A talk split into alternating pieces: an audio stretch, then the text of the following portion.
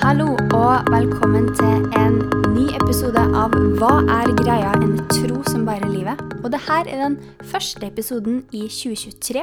Og den podkasten her den er drevet av meg, lille Katrin, og Hanna? ja, og vi har holdt på med podkasten her i ja, litt over et år nå. Nærmer seg ett og et halvt, tenker ja, jeg. faktisk. Det er veldig artig. Jeg liker veldig godt eh, at vi spiller inn podkasten her sammen. Ja, fordi det er jo noe med det at eh, det å dele tro med hverandre, det gir liksom en litt sånn ekstra dimensjon. Mm. Og jeg er veldig takknemlig for at, eh, at vi bor sammen, at vi kan samtale om livets opp- og nedturer, og at vi kan trekke inn Gud i det, Mm. og sitte og be for hverandre. Om det er stort eller smått. Mm. Det syns jeg er veldig fint. Det kan du ikke med alle, da. Så det er jeg veldig takknemlig for at vi kan gjøre. Og så er det veldig gøy, da, at vi kan spille inn den podkasten her sammen nå. I like måte. Jeg setter veldig pris på, på den relasjonen her, altså. Og apropos relasjon, så i dag så skal vi faktisk snakke litt om eh, relasjonen til Gud gjennom Bibelen. Og det tror jeg blir veldig bra. Spennende, spennende. Ja. jeg òg tror det blir bra. Jeg tror det er en viktig episode. Absolutt. Men Hanna, kan ikke du si hva som er dagens bibelvers? Dagens bibelvers det står i eh, Salme 119, vers 105. Og der står det Ditt ord er en lykt for min fot og et lys for min sti.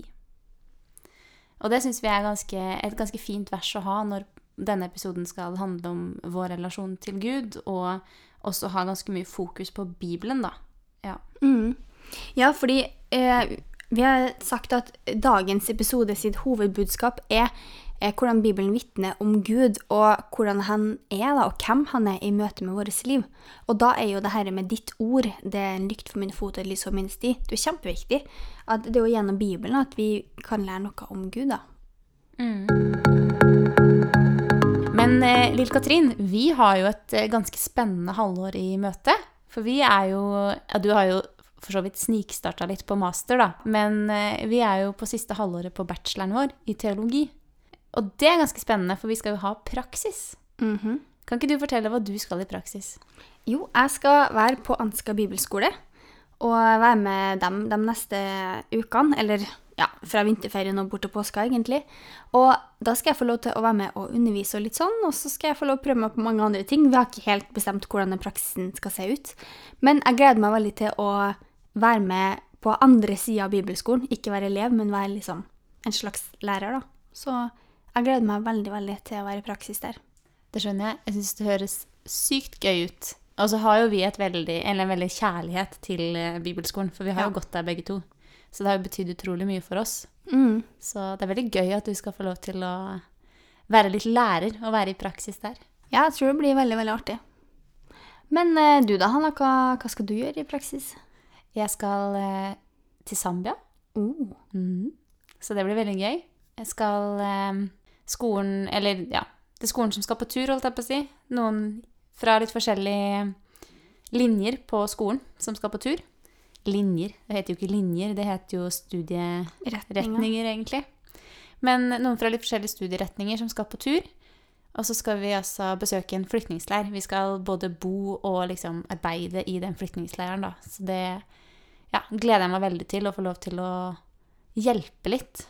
Mm. Få lov til å ja, få litt, an litt annet input da, enn det man får eh, her i Norge. Nå har vi liksom vært student så lenge, så nå syns jeg det blir deilig å få lov til å reise litt og se. Ja, for det, dere skal til en flyktningleir. Kan Mm. du fortelle litt, vet du hva dere skal gjøre der? Vi skal eh, male, forhåpentligvis male et barnehjem på, altså innvendig. Det er en ganske stor flyktningleir. Forhåpentligvis eh, få kjøpt inn senger, eller være med på å plassere inn senger da, i, eh, i noen små hus og sånn i den flyktningleiren, Og egentlig få lov til å være med og ja, bedre litt av livsforholdene, da. Eh, for de som bor i den leiren. Ja. Mm. Fokus på hjelpearbeid, egentlig. Ja. Ja, og litt sånne type ting. Dere får basically være Jesu hender og føtter da, på jorda. Ja, jeg føler på en måte vi får det. Eh, samtidig som eh, er, Vi er der jo bare en begrensa, periode. Men, eh, men for meg er det liksom veldig viktig da, å få lov til å Eller jeg gleder meg til å få lov til å være med og gjøre noe, på en måte. Um, for vi har det så godt her i Norge, så jeg syns det blir veldig spennende å skal få lov til å reise til Zambia og være i praksis der. Så skal vi være litt i praksis i menigheter og sånn i den flyktningleiren, så det blir veldig spennende. Ja. Åh, ja, jeg gleder meg til å høre når du kommer hjem igjen og forteller, når du forteller alt det du har opplevd. Det, det blir veldig, veldig spennende. Og så har vi hatt lyst til å, siden dette er en episode som tar for seg Bibel, så har vi hatt lyst til å eh, dele litt våre tanker rundt de historiene vi har lest i Bibelen i det siste, eller én historie da, som, vi, som har betydd noe for oss i det siste. Og da lurer jeg på hvilken historie er det du har plukka deg ut til, Katrin? Ja, jeg har plukka meg ut en litt lang historie, da, egentlig. Eh, for jeg har tenkt på hvordan Israel er i ørkenen, og hvordan Gud møter dem i ørkenen. Fordi at jeg har holdt på å lese i første til femte Mosebok nå en stund. Og så har jeg bare vet ikke, kanskje fått et nytt blikk på hvordan Gud egentlig møter dem i ørkenen. Hvordan Gud gjennom mange måter viser seg, og så sier han liksom 'hold fast på meg, hold fast på meg'. Og når jeg leser det nå, så tenker jeg at det Gud egentlig sier til dem, er det samme som Jesus sier til Peter når han går på vannet. 'Fest blikket ditt på meg'. Og så ser vi jo hvordan Israel, eh, når de i ørkenen, lager seg en gullkalv og begynner å tilbe den, samtidig som Moses er oppå, nei, et fjell og prater med Gud, liksom. Men det fascinerer meg veldig. Og hvordan ja, Gud gir dem dette tempelet, sånn at de har noe synlig de kan gå til å tilbe, ikke sant, offergreiene og alt det der. Og så er det noen vers som jeg har tenkt på som, som Gud sier da til folket sitt, og det står i 5. Mosebok kapittel 11 og vers 18. Der står det Disse mine ord skal dere bære i hjerte og sinn, bind dem om hånden som et tegn, og ha dem på pannen som et merke. Lær dem videre til barna deres, snakk om dem når du sitter i ditt hus og når du går på veien, når du legger deg og når du står opp. Og så fortsetter det videre med at du skal skrive det sant, i huset ditt, og fortelle det videre, fortelle det videre. Og så begynte jeg å tenke på at det her er jo en historie om hvordan Gud har vært med Israel gjennom hele ørkenen, og så sier han hold fast på det, ta vare på det jeg har gitt dere nå, og gi det videre. Og det ble veldig tydelig for meg og viktig for meg at ja, men det er det Gud kaller oss til, og det er det Gud kaller meg til, da, å gi det videre. Mm. Så det syns jeg var veldig fascinerende. Det er veldig kult å sitte og høre på at du forteller, for det er jo noe med at, som du sier, at du har vært i Mosebøkene en stund nå, men du har også lest det før. Og så er det mm. akkurat som du har fått enda et nytt perspektiv når du har lest det på nytt. Mm. At på en måte Guds ånd virker, eller Den hellige ånd da, virker når vi leser, sånn at vi kan se ting på en ny måte og forstå ting vi ikke har forstått før, og på en måte få nye perspektiver på det vi leser. da. Mm. Ja, det er jo sånn noen vers som jeg aldri har tenkt på før. Plutselig så gir det mening, liksom, fordi at Den hellige ånd åpenbarer det. Mm. Og så tenkte jeg på det, at det er litt kult. Um, når jeg leser Bibelen, så streker jeg ofte under ting. Og jeg har tenkt at det er jo på mange måter min respons på det som står der. Så jeg tenkte på det at Bibelen min, den, etter hvert som den er noen år nå, så har den jo fått en del streker og farger og sånn. Og så for meg, når jeg ser på den nå, så er det som om jeg ser en samtale mellom meg og Gud. Mm. At Gud har eh, vist meg ok, nå var det som var viktig. Nå var det det som var viktig. Og så vil jo forhåpentligvis Bibelen min etter hvert bli ja, full av farger, som en regnbue, liksom. Full av eh, samtalene mellom meg og Gud. Det har jeg aldri tenkt på før, men det er et veldig godt poeng. At, eh, for jeg jo streker jo ut ekstremt mye i min bibel. Mm. Eh, og skriver på Post-It-lapper. Og eh, skriver i margen og sånne type ting. Og det er faktisk, det er som du sier, da. Det, vår, det er faktisk vår respons på det vi leser. Mm. Og så er det veldig gøy òg når du på en måte har gjort det én gang, og så leser du det på nytt, og så kan du se hva du tenkte sist gang du leste det. Ja. Og så tenker du kanskje noe nytt når du leser det nå. Ja. Ja, ja det er veldig kult, faktisk. Enig. Men eh, du da, Hanna? Hvilken bibelhistorie har jobba i deg den siste tida? Jeg har vært eh, i en bibelhistorie i Det nye testamentet. Og den er ganske kort, egentlig. Den er bare noen vers, og de, det står i evangeliene, i flere av evangeliene. Og det er eh, historien om kvinnen som har hatt blødninger i tolv år, og som rører ved Jesus' kappe. Og den historien har jeg følt at jeg har fått noen nye perspektiv på den eh, siste tiden. For dette er altså en kvinne som har brukt masse, masse penger på å gå til leger, og så er det ingen som kan eh, helbrede henne. Og så går hun sikkert med store smerter og med blødninger, og det å på en måte Da er hun på en måte uren og hun er satt utafor samfunnet på en helt annen måte enn det man blir i dag. Hun ble satt utafor samfunnet, så hun mister på en måte sin plass i samfunnet.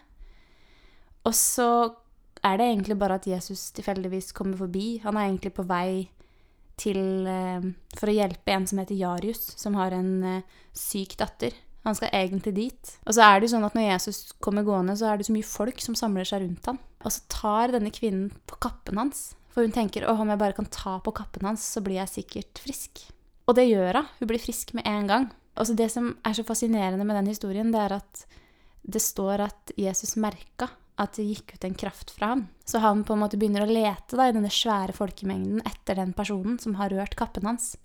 Hvem var det som rørte ved kappen min? Og så er jo hun veldig redd, egentlig, fortelles det. At på en måte Oi. Også for meg ble det veldig sånn Jesus slutter ikke å lete. Her er det masse folk, og disiplene sier at nei, men du kommer ikke til å finne ut av hvem det er som har gjort det. Ser du ikke hvor mye folk det er? Er det sikkert bare noen som har kommet borti, liksom? Men Jesus gir seg ikke, da. Og så finner han jo til slutt denne kvinnen som sier det. Og så sier Jesus bare til henne når hun forteller sin historie, at på en måte hun har vært sjuk, og at hun nå ble helbredet. Så sier han bare, 'Datter, din tro har frelst deg. Gå bort i fred.' Og da kan du snakke litt om eh, det som du nevnte i stad, om å ha blikket festa på Gud og ha blikket festa på Jesus. da. Den kvinnen her, hun har blikket festa på Jesus. Og så handler hun ut fra tro. Hun, bare, hun tenker at bare det å få røre kappen hans er nok. Og for meg så ble det sånn Hvor ofte Altså, hvor ofte rører jeg, da, ved Jesus sin kappe? Eh, at Jesus gir oss på en måte den muligheten hver dag til å røre ved hans kappe. Til å eh, fortelle han om hva som skjer i livet vårt. Og så ble det også veldig det her at han leter og leter etter den ene i folkemengden. Eh, akkurat som han leter etter den ene Eller akkurat som hyrden leter etter den ene av de hundre sauene som har forsvunnet. ikke sant? Han forlater de 99 for å finne den ene. Og her er han egentlig på vei for å helbrede en liten syk jente, men han stopper opp og helbreder da denne kvinnen her underveis, da. Så for meg ble det sånn wow, Jesus han har tid til meg. Jesus han ser meg. Og Jesus han elsker meg. Mm. Ja, han ser meg som den ene, han ser meg ikke som en i folkemengden, men jeg er den ene, da. Så den historien har jeg fundert en del over i det siste. Ja, den er jo veldig sterk, egentlig. Hvordan hun har den troa hun har. Mm. Kan bare, ja, Hvis jeg bare får med den lille kappflikken, da er det nok. Eller dusken, liksom. Det er nok. Ja, og så bare det at Jesus sant, han merker at det går ut en kraft. Mm. Han merker henne. Det betyr noe for han. Mm. Hun er ikke usynlig. Nei, og han hadde jo ikke trengt å snu seg. Nei. Han, jo, han kunne bare gått videre og så fortsatt, men han stoppa jo faktisk, ja. Mm. Og dagens tema, det er jo Bibelen, og hvem Bibelen sier at Gud er. Mm. Og da er det jo et spørsmål som man må stille seg, em, og det er hvorfor er Bibelen så viktig? Ja, det er et godt spørsmål. Og så tror jeg det finnes eh, flere svar på det. I Misjonskirka så tror vi det. At eh, Bibelen er eneste rettesnor for tro, liv og lære. Og det syns jeg er en sånn fin læresetning å ta med seg. At vi tror at det er Guds ord, og at det er det vitner om Guds åpenbaring i verden. Det vitner om hvem Gud er, om hva han har gjort for sitt folk. Det vitner om at han har skapt verden, og det vitner også om Jesus. Og Jesus er jo ja, grunnen til at vi er der vi er i dag. Grunnen til at vi kan få lov å kalle oss kristne. Og det er jo han vi vil bare løfte opp og vise fram, egentlig, da. Det er en som heter Daniel Sæbjørnsen, som har skrevet en bok som heter Vær greien med. Det syns jo jeg er litt artig. Og han har skrevet det at Guds ord, eller Bibelen, det er på en måte 100 menneskelig og 100% guddommelig, fordi at det er Guds historie. Det er det Gud ønsker å si til oss, og det er en måte Gud kan kommunisere med oss på, samtidig som at det er skrevet av mennesker. Og det syns jeg er veldig fint. Han sammenligner det egentlig litt med Jesus som er 100% menneske og 100% Gud, men at Bibelen er et sånt sted hvor vi virkelig kan få lov til å bli kjent med denne guden som vi tror på, da. Og ja, da blir det jo litt sånn med samtalen som jeg prata om i sted. At det er faktisk et sted hvor Gud kan møte oss, og så kan vi lære mer om hvorfor skal vi tro på Jesus, hvorfor er det viktig, er han viktig? Ja, og litt sånn. Og så tenker jeg jo at uh, hele Bibelen er jo en kjærlighetserklæring. For det er jo noe med at eh, Gud hadde jo ikke trengt å skape oss som mennesker, men han velger å gjøre det fordi han hadde lyst. Og så elsker han oss. Og så er det, som du sier da, Israels folkes historie, hvor på en måte det skjer veldig mange ting. De synder mot Gud, men Gud elsker dem fortsatt. Og så leder alt opp til at Jesus skal komme, og så er jo Jesus sin fødsel og hans korsdød er jo den største kjærlighetserklæringen av det hele, ikke sant? Eller av alt. Det står jo til og med i eh, første Johannes brev, i kapittel tre, så står det at eh, der står det at grunnen til at vi vet hva kjærlighet er, fordi at, er fordi at Jesus døde for oss. Så hele Bibelen vitner på en måte om Guds kjærlighet til mennesket. Den vitner jo også, som du sier, da, om Guds åpenbaring. Om hvem Gud er, om hvordan Gud handler. Og så har vi tenkt på hvordan kan vi si noe om Gud? Hvordan, hvilke eksempler kan vi bruke? Hvilke bibeltekster kan vi bruke? Og så tenkte vi på David. Han var jo en mann som opplevde ganske mye med Gud. Samtidig så er Gud ikke alltid like tilgjengelig for David, kan David føles som. Og han er veldig ærlig, David. Og så har han skrevet to salmer, blant annet, eller som tradisjonen sier, at tilhører David. Og Den ene salmen det er salme 22, og den andre er salme 23. Og i den der salme 22 så er det jo faktisk den salmen Jesus siterer når han henger på korset. Og så står det faktisk noen profetier om Jesus i salme 22, som er litt artig. Men det vi skal ha fokus på i dag, det er hvilket bilde David har på Gud, og hvilken desperasjon han kjenner på da, i møte med Gud. Salme 22 starter sånn her. Min Gud, min Gud, hvorfor har du forlatt meg? Hvorfor er du så langt borte når jeg trenger hjelp og skriker ut i min nød? Min Gud, jeg roper om dagen, men du svarer ikke, jeg roper om natten og får ikke ro. Men så sier han etterpå, apropos liksom eh, femte Mosebok og fjerde Mosebok og Mosebøkene generelt, men du er den hellige, som troner over Israels lovsang. Til deg satte fedrene sin lit. De stolte på deg, og du fridde dem ut. Så i Salme 22 så møter vi en desperat David som sier Gud, hvor er du hen? Gud, hvor er du nå i mine trengsler, i mine prøvelser? Samtidig som han sier, men jeg vet, Gud, hvem du er. Jeg vet at du er den guden som var med Israel gjennom ørkenen. Jeg vet at du var den som fridde dem ut fra Egypt. Og så fortsetter han da og, og har en blanding liksom mellom lovprisning og å rope ut i desperasjon til Gud. Og det syns jeg er veldig fascinerende. Hvordan Gud er viktig for David, da. Selv om han tviler, så er han en han Han slipper ikke taket på Gud, men han roper ut og sier, men Gud, hvor er du her nå, egentlig? Og det er jo en grunn til at vi har valgt oss ut Salme 22 og Salme 23. Fordi at eh, de viser to ganske forskjellige sinnstilstander hos David. Mm. Og det er litt det vi også ønsker med denne episoden her, at Bibelen er ikke en bok bare når du har det bra. Og Bibelen er ikke en bok bare når du har det eh, vondt, da. Mm. Men eh, historiene som vi kan lese om i Bibelen, de forteller om levd liv. De forteller om hvordan Gud noen ganger, som du sier, føles fjern, og hvordan Gud andre ganger føles veldig, veldig nær. Og hvordan, sånn som David, da, som tviler, fortsatt klarer å holde fast på troa si. Og det er jo noe med det at Bibelen er en bok for alle livets sesonger. Og det tenker jeg er veldig viktig, da, fordi at livet består av ulike sesonger. Eh, og så kan man kanskje finne en form for trøst da, ved å lese de bibelhistoriene som er der.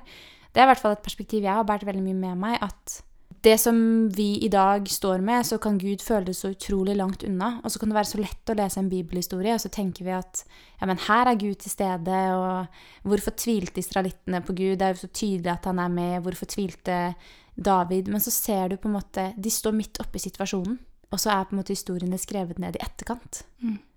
Og det er lettere å finne tilbake til hvor Gud var i etterkant enn midt under situasjonen.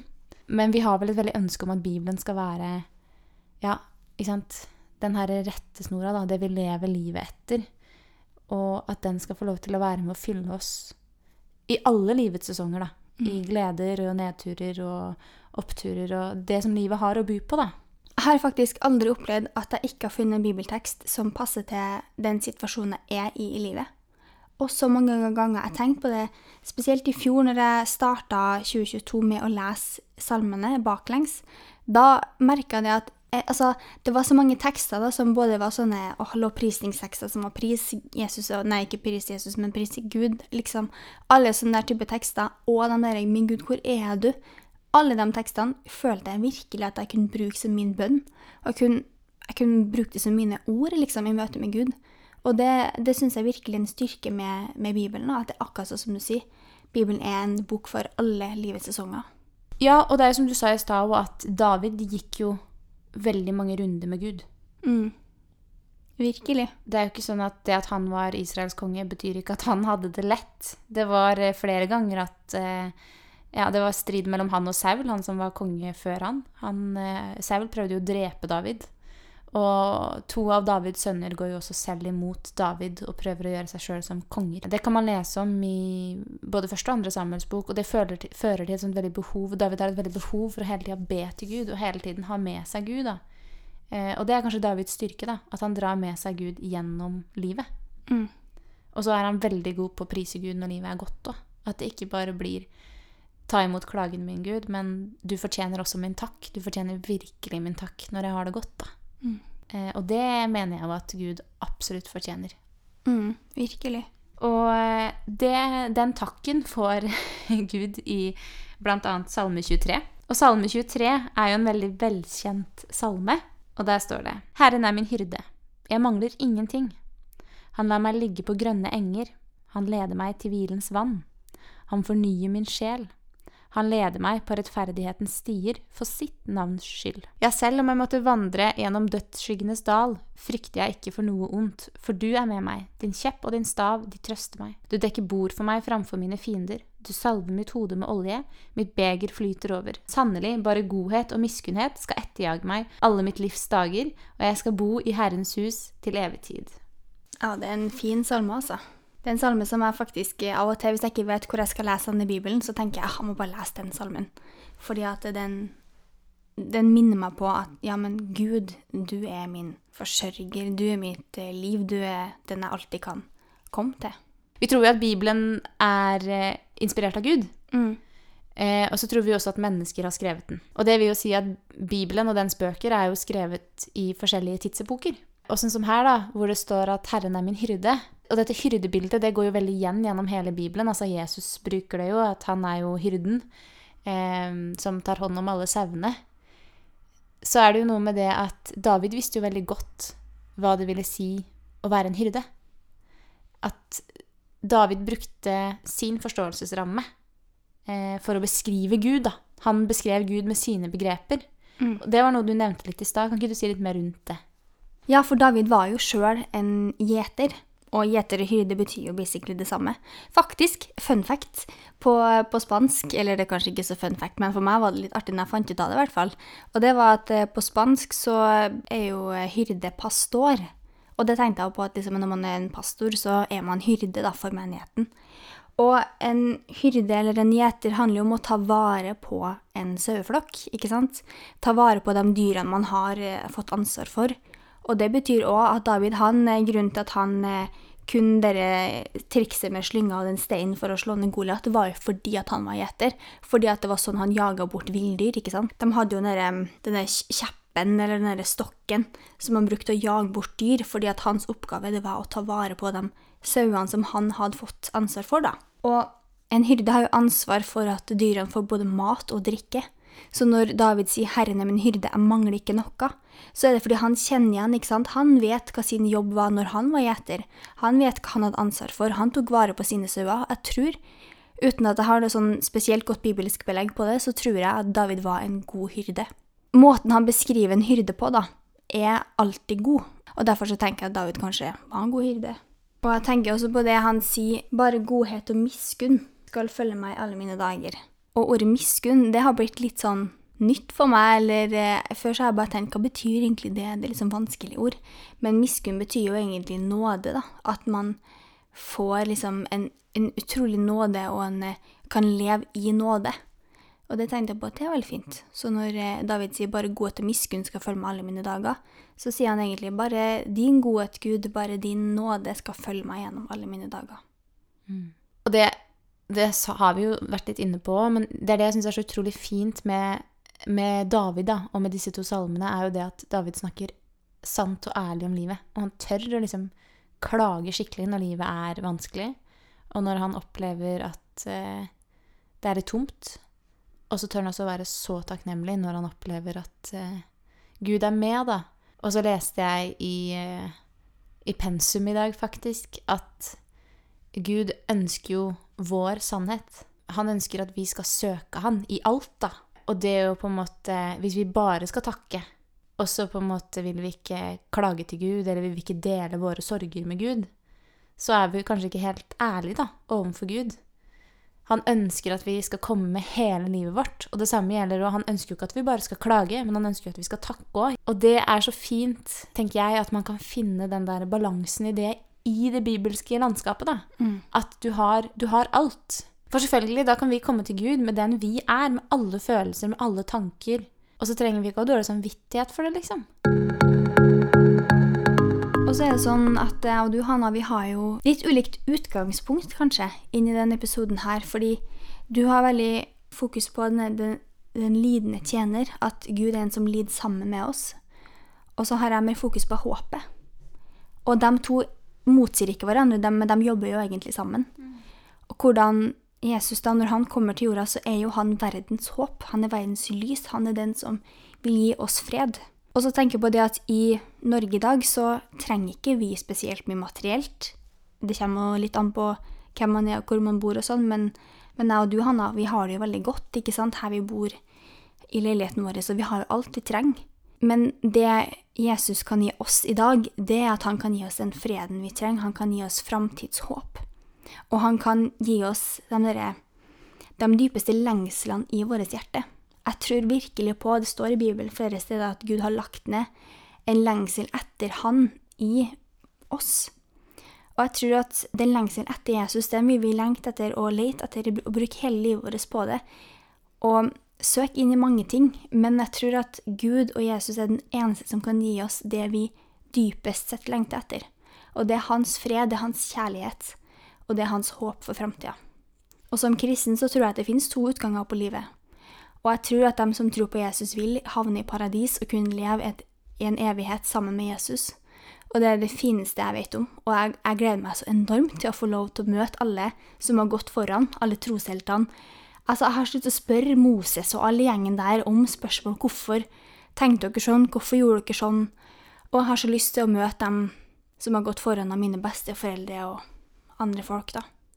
Og jeg har lyst til å gå sammen med dem jeg er glad i, inn i evigheten og inn med Jesus og bare feste blikket mitt på han og vite at, at Gud har noe godt å gi meg i framtida også, da.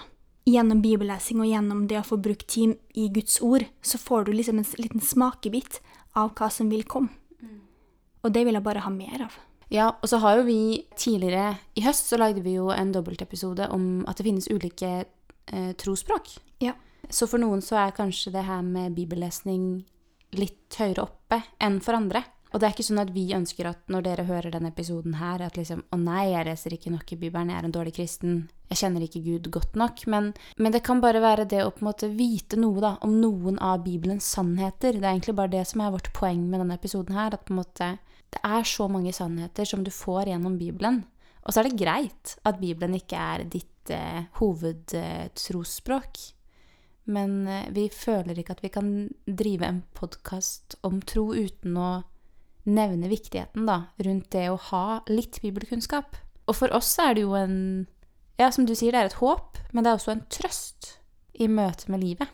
Og så har jo jeg snakka om eh, kvinnen som rører ved Jesus sin kappe. Og hun har jo et vel, en veldig håpedimensjon. Hun håper jo at Hun tror at ved å røre denne kappen, så kan hun bli frisk. Samtidig som hun har også stått i lidelse i veldig mange år. Nå har jeg sjelesorg det halvåret her. Du har jo hatt det for en stund siden. Og det er bare åh, er liksom, Jeg har gleda meg så mye til å ha det. Veldig mye fordi du har fortalt om hvor fantastisk det er å ha det faget. Men det er et veldig fint fag. Eh, og der snakker man om den eh, lidende hjelper. Og da er det jo først og fremst Jesus som er den lidende hjelper. Og det har blitt en sånn viktig ting for meg den siste tiden. For jeg føler jeg har fått et litt nytt perspektiv på Jesus sin død òg, og hans liv. Fordi det er jo sånn at når Jesus går rundt på jorda, så utfører han masse, masse under og mirakler. Og det er flere ting ved disse undrene og miraklene som jeg har lyst til å bare si litt om. For det ene er jo at uh, undrene og miraklene, det er jo noe helt uvanlig. Altså det på en måte viser noe av Jesus sin karakter, og hvor uvanlig Jesus er. At, på en måte Jesus sin storhet. da. Han har makt til å gjøre under og mirakler.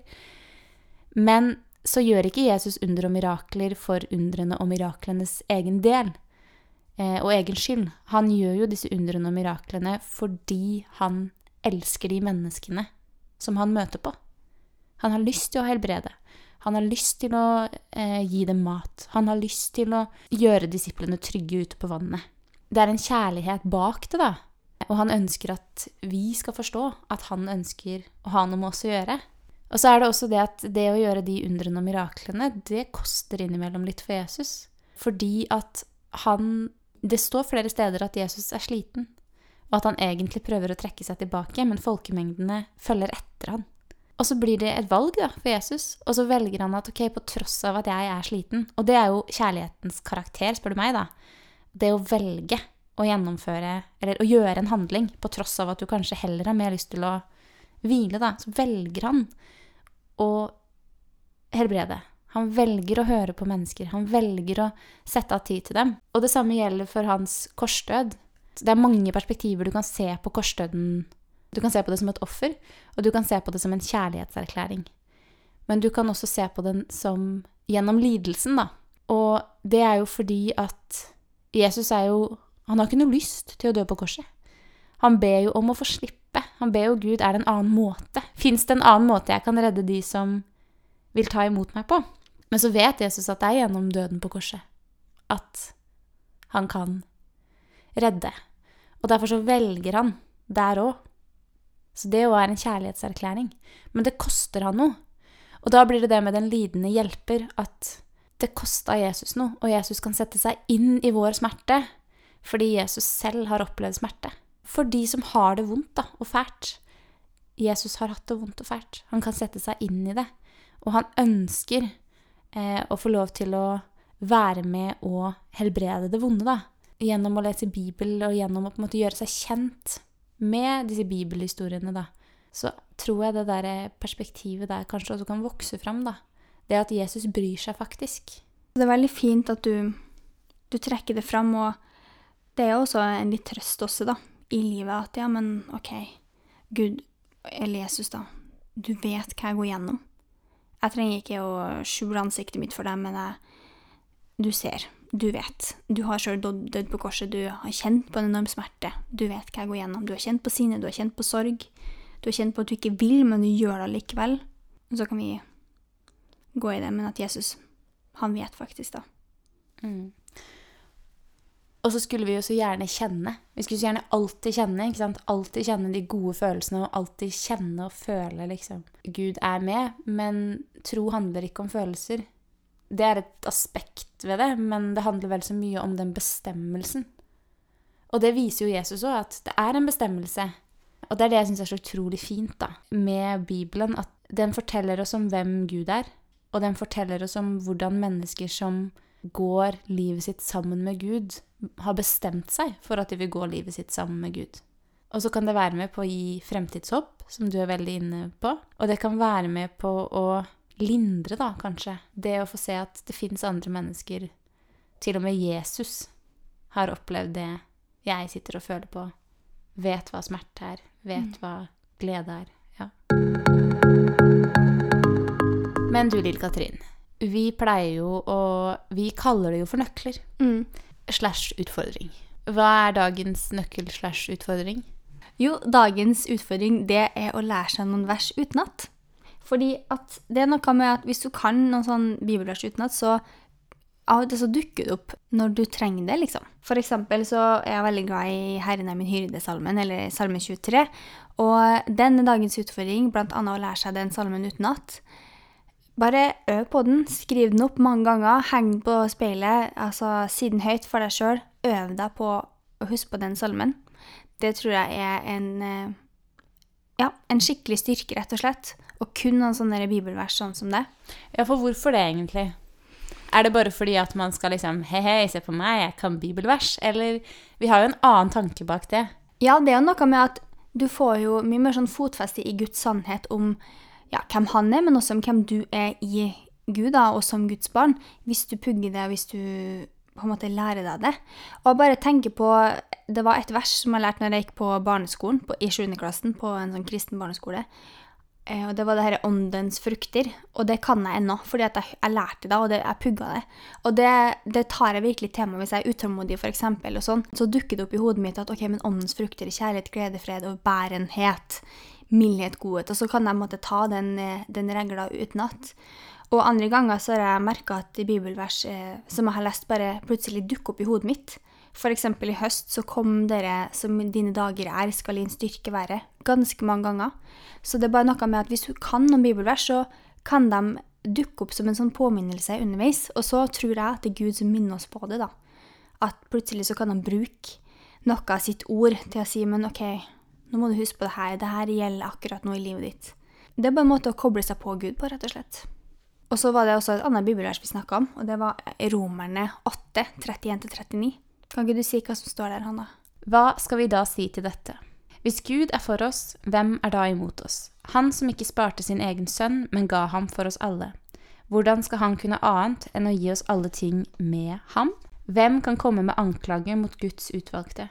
Det er Gud som rettferdiggjør. Hvem er den som fordømmer? Det er Kristus som døde, ja, mer enn det, som også har oppstått, som sitter ved Guds høyre hånd, og som også går i forbønn for oss. Takk.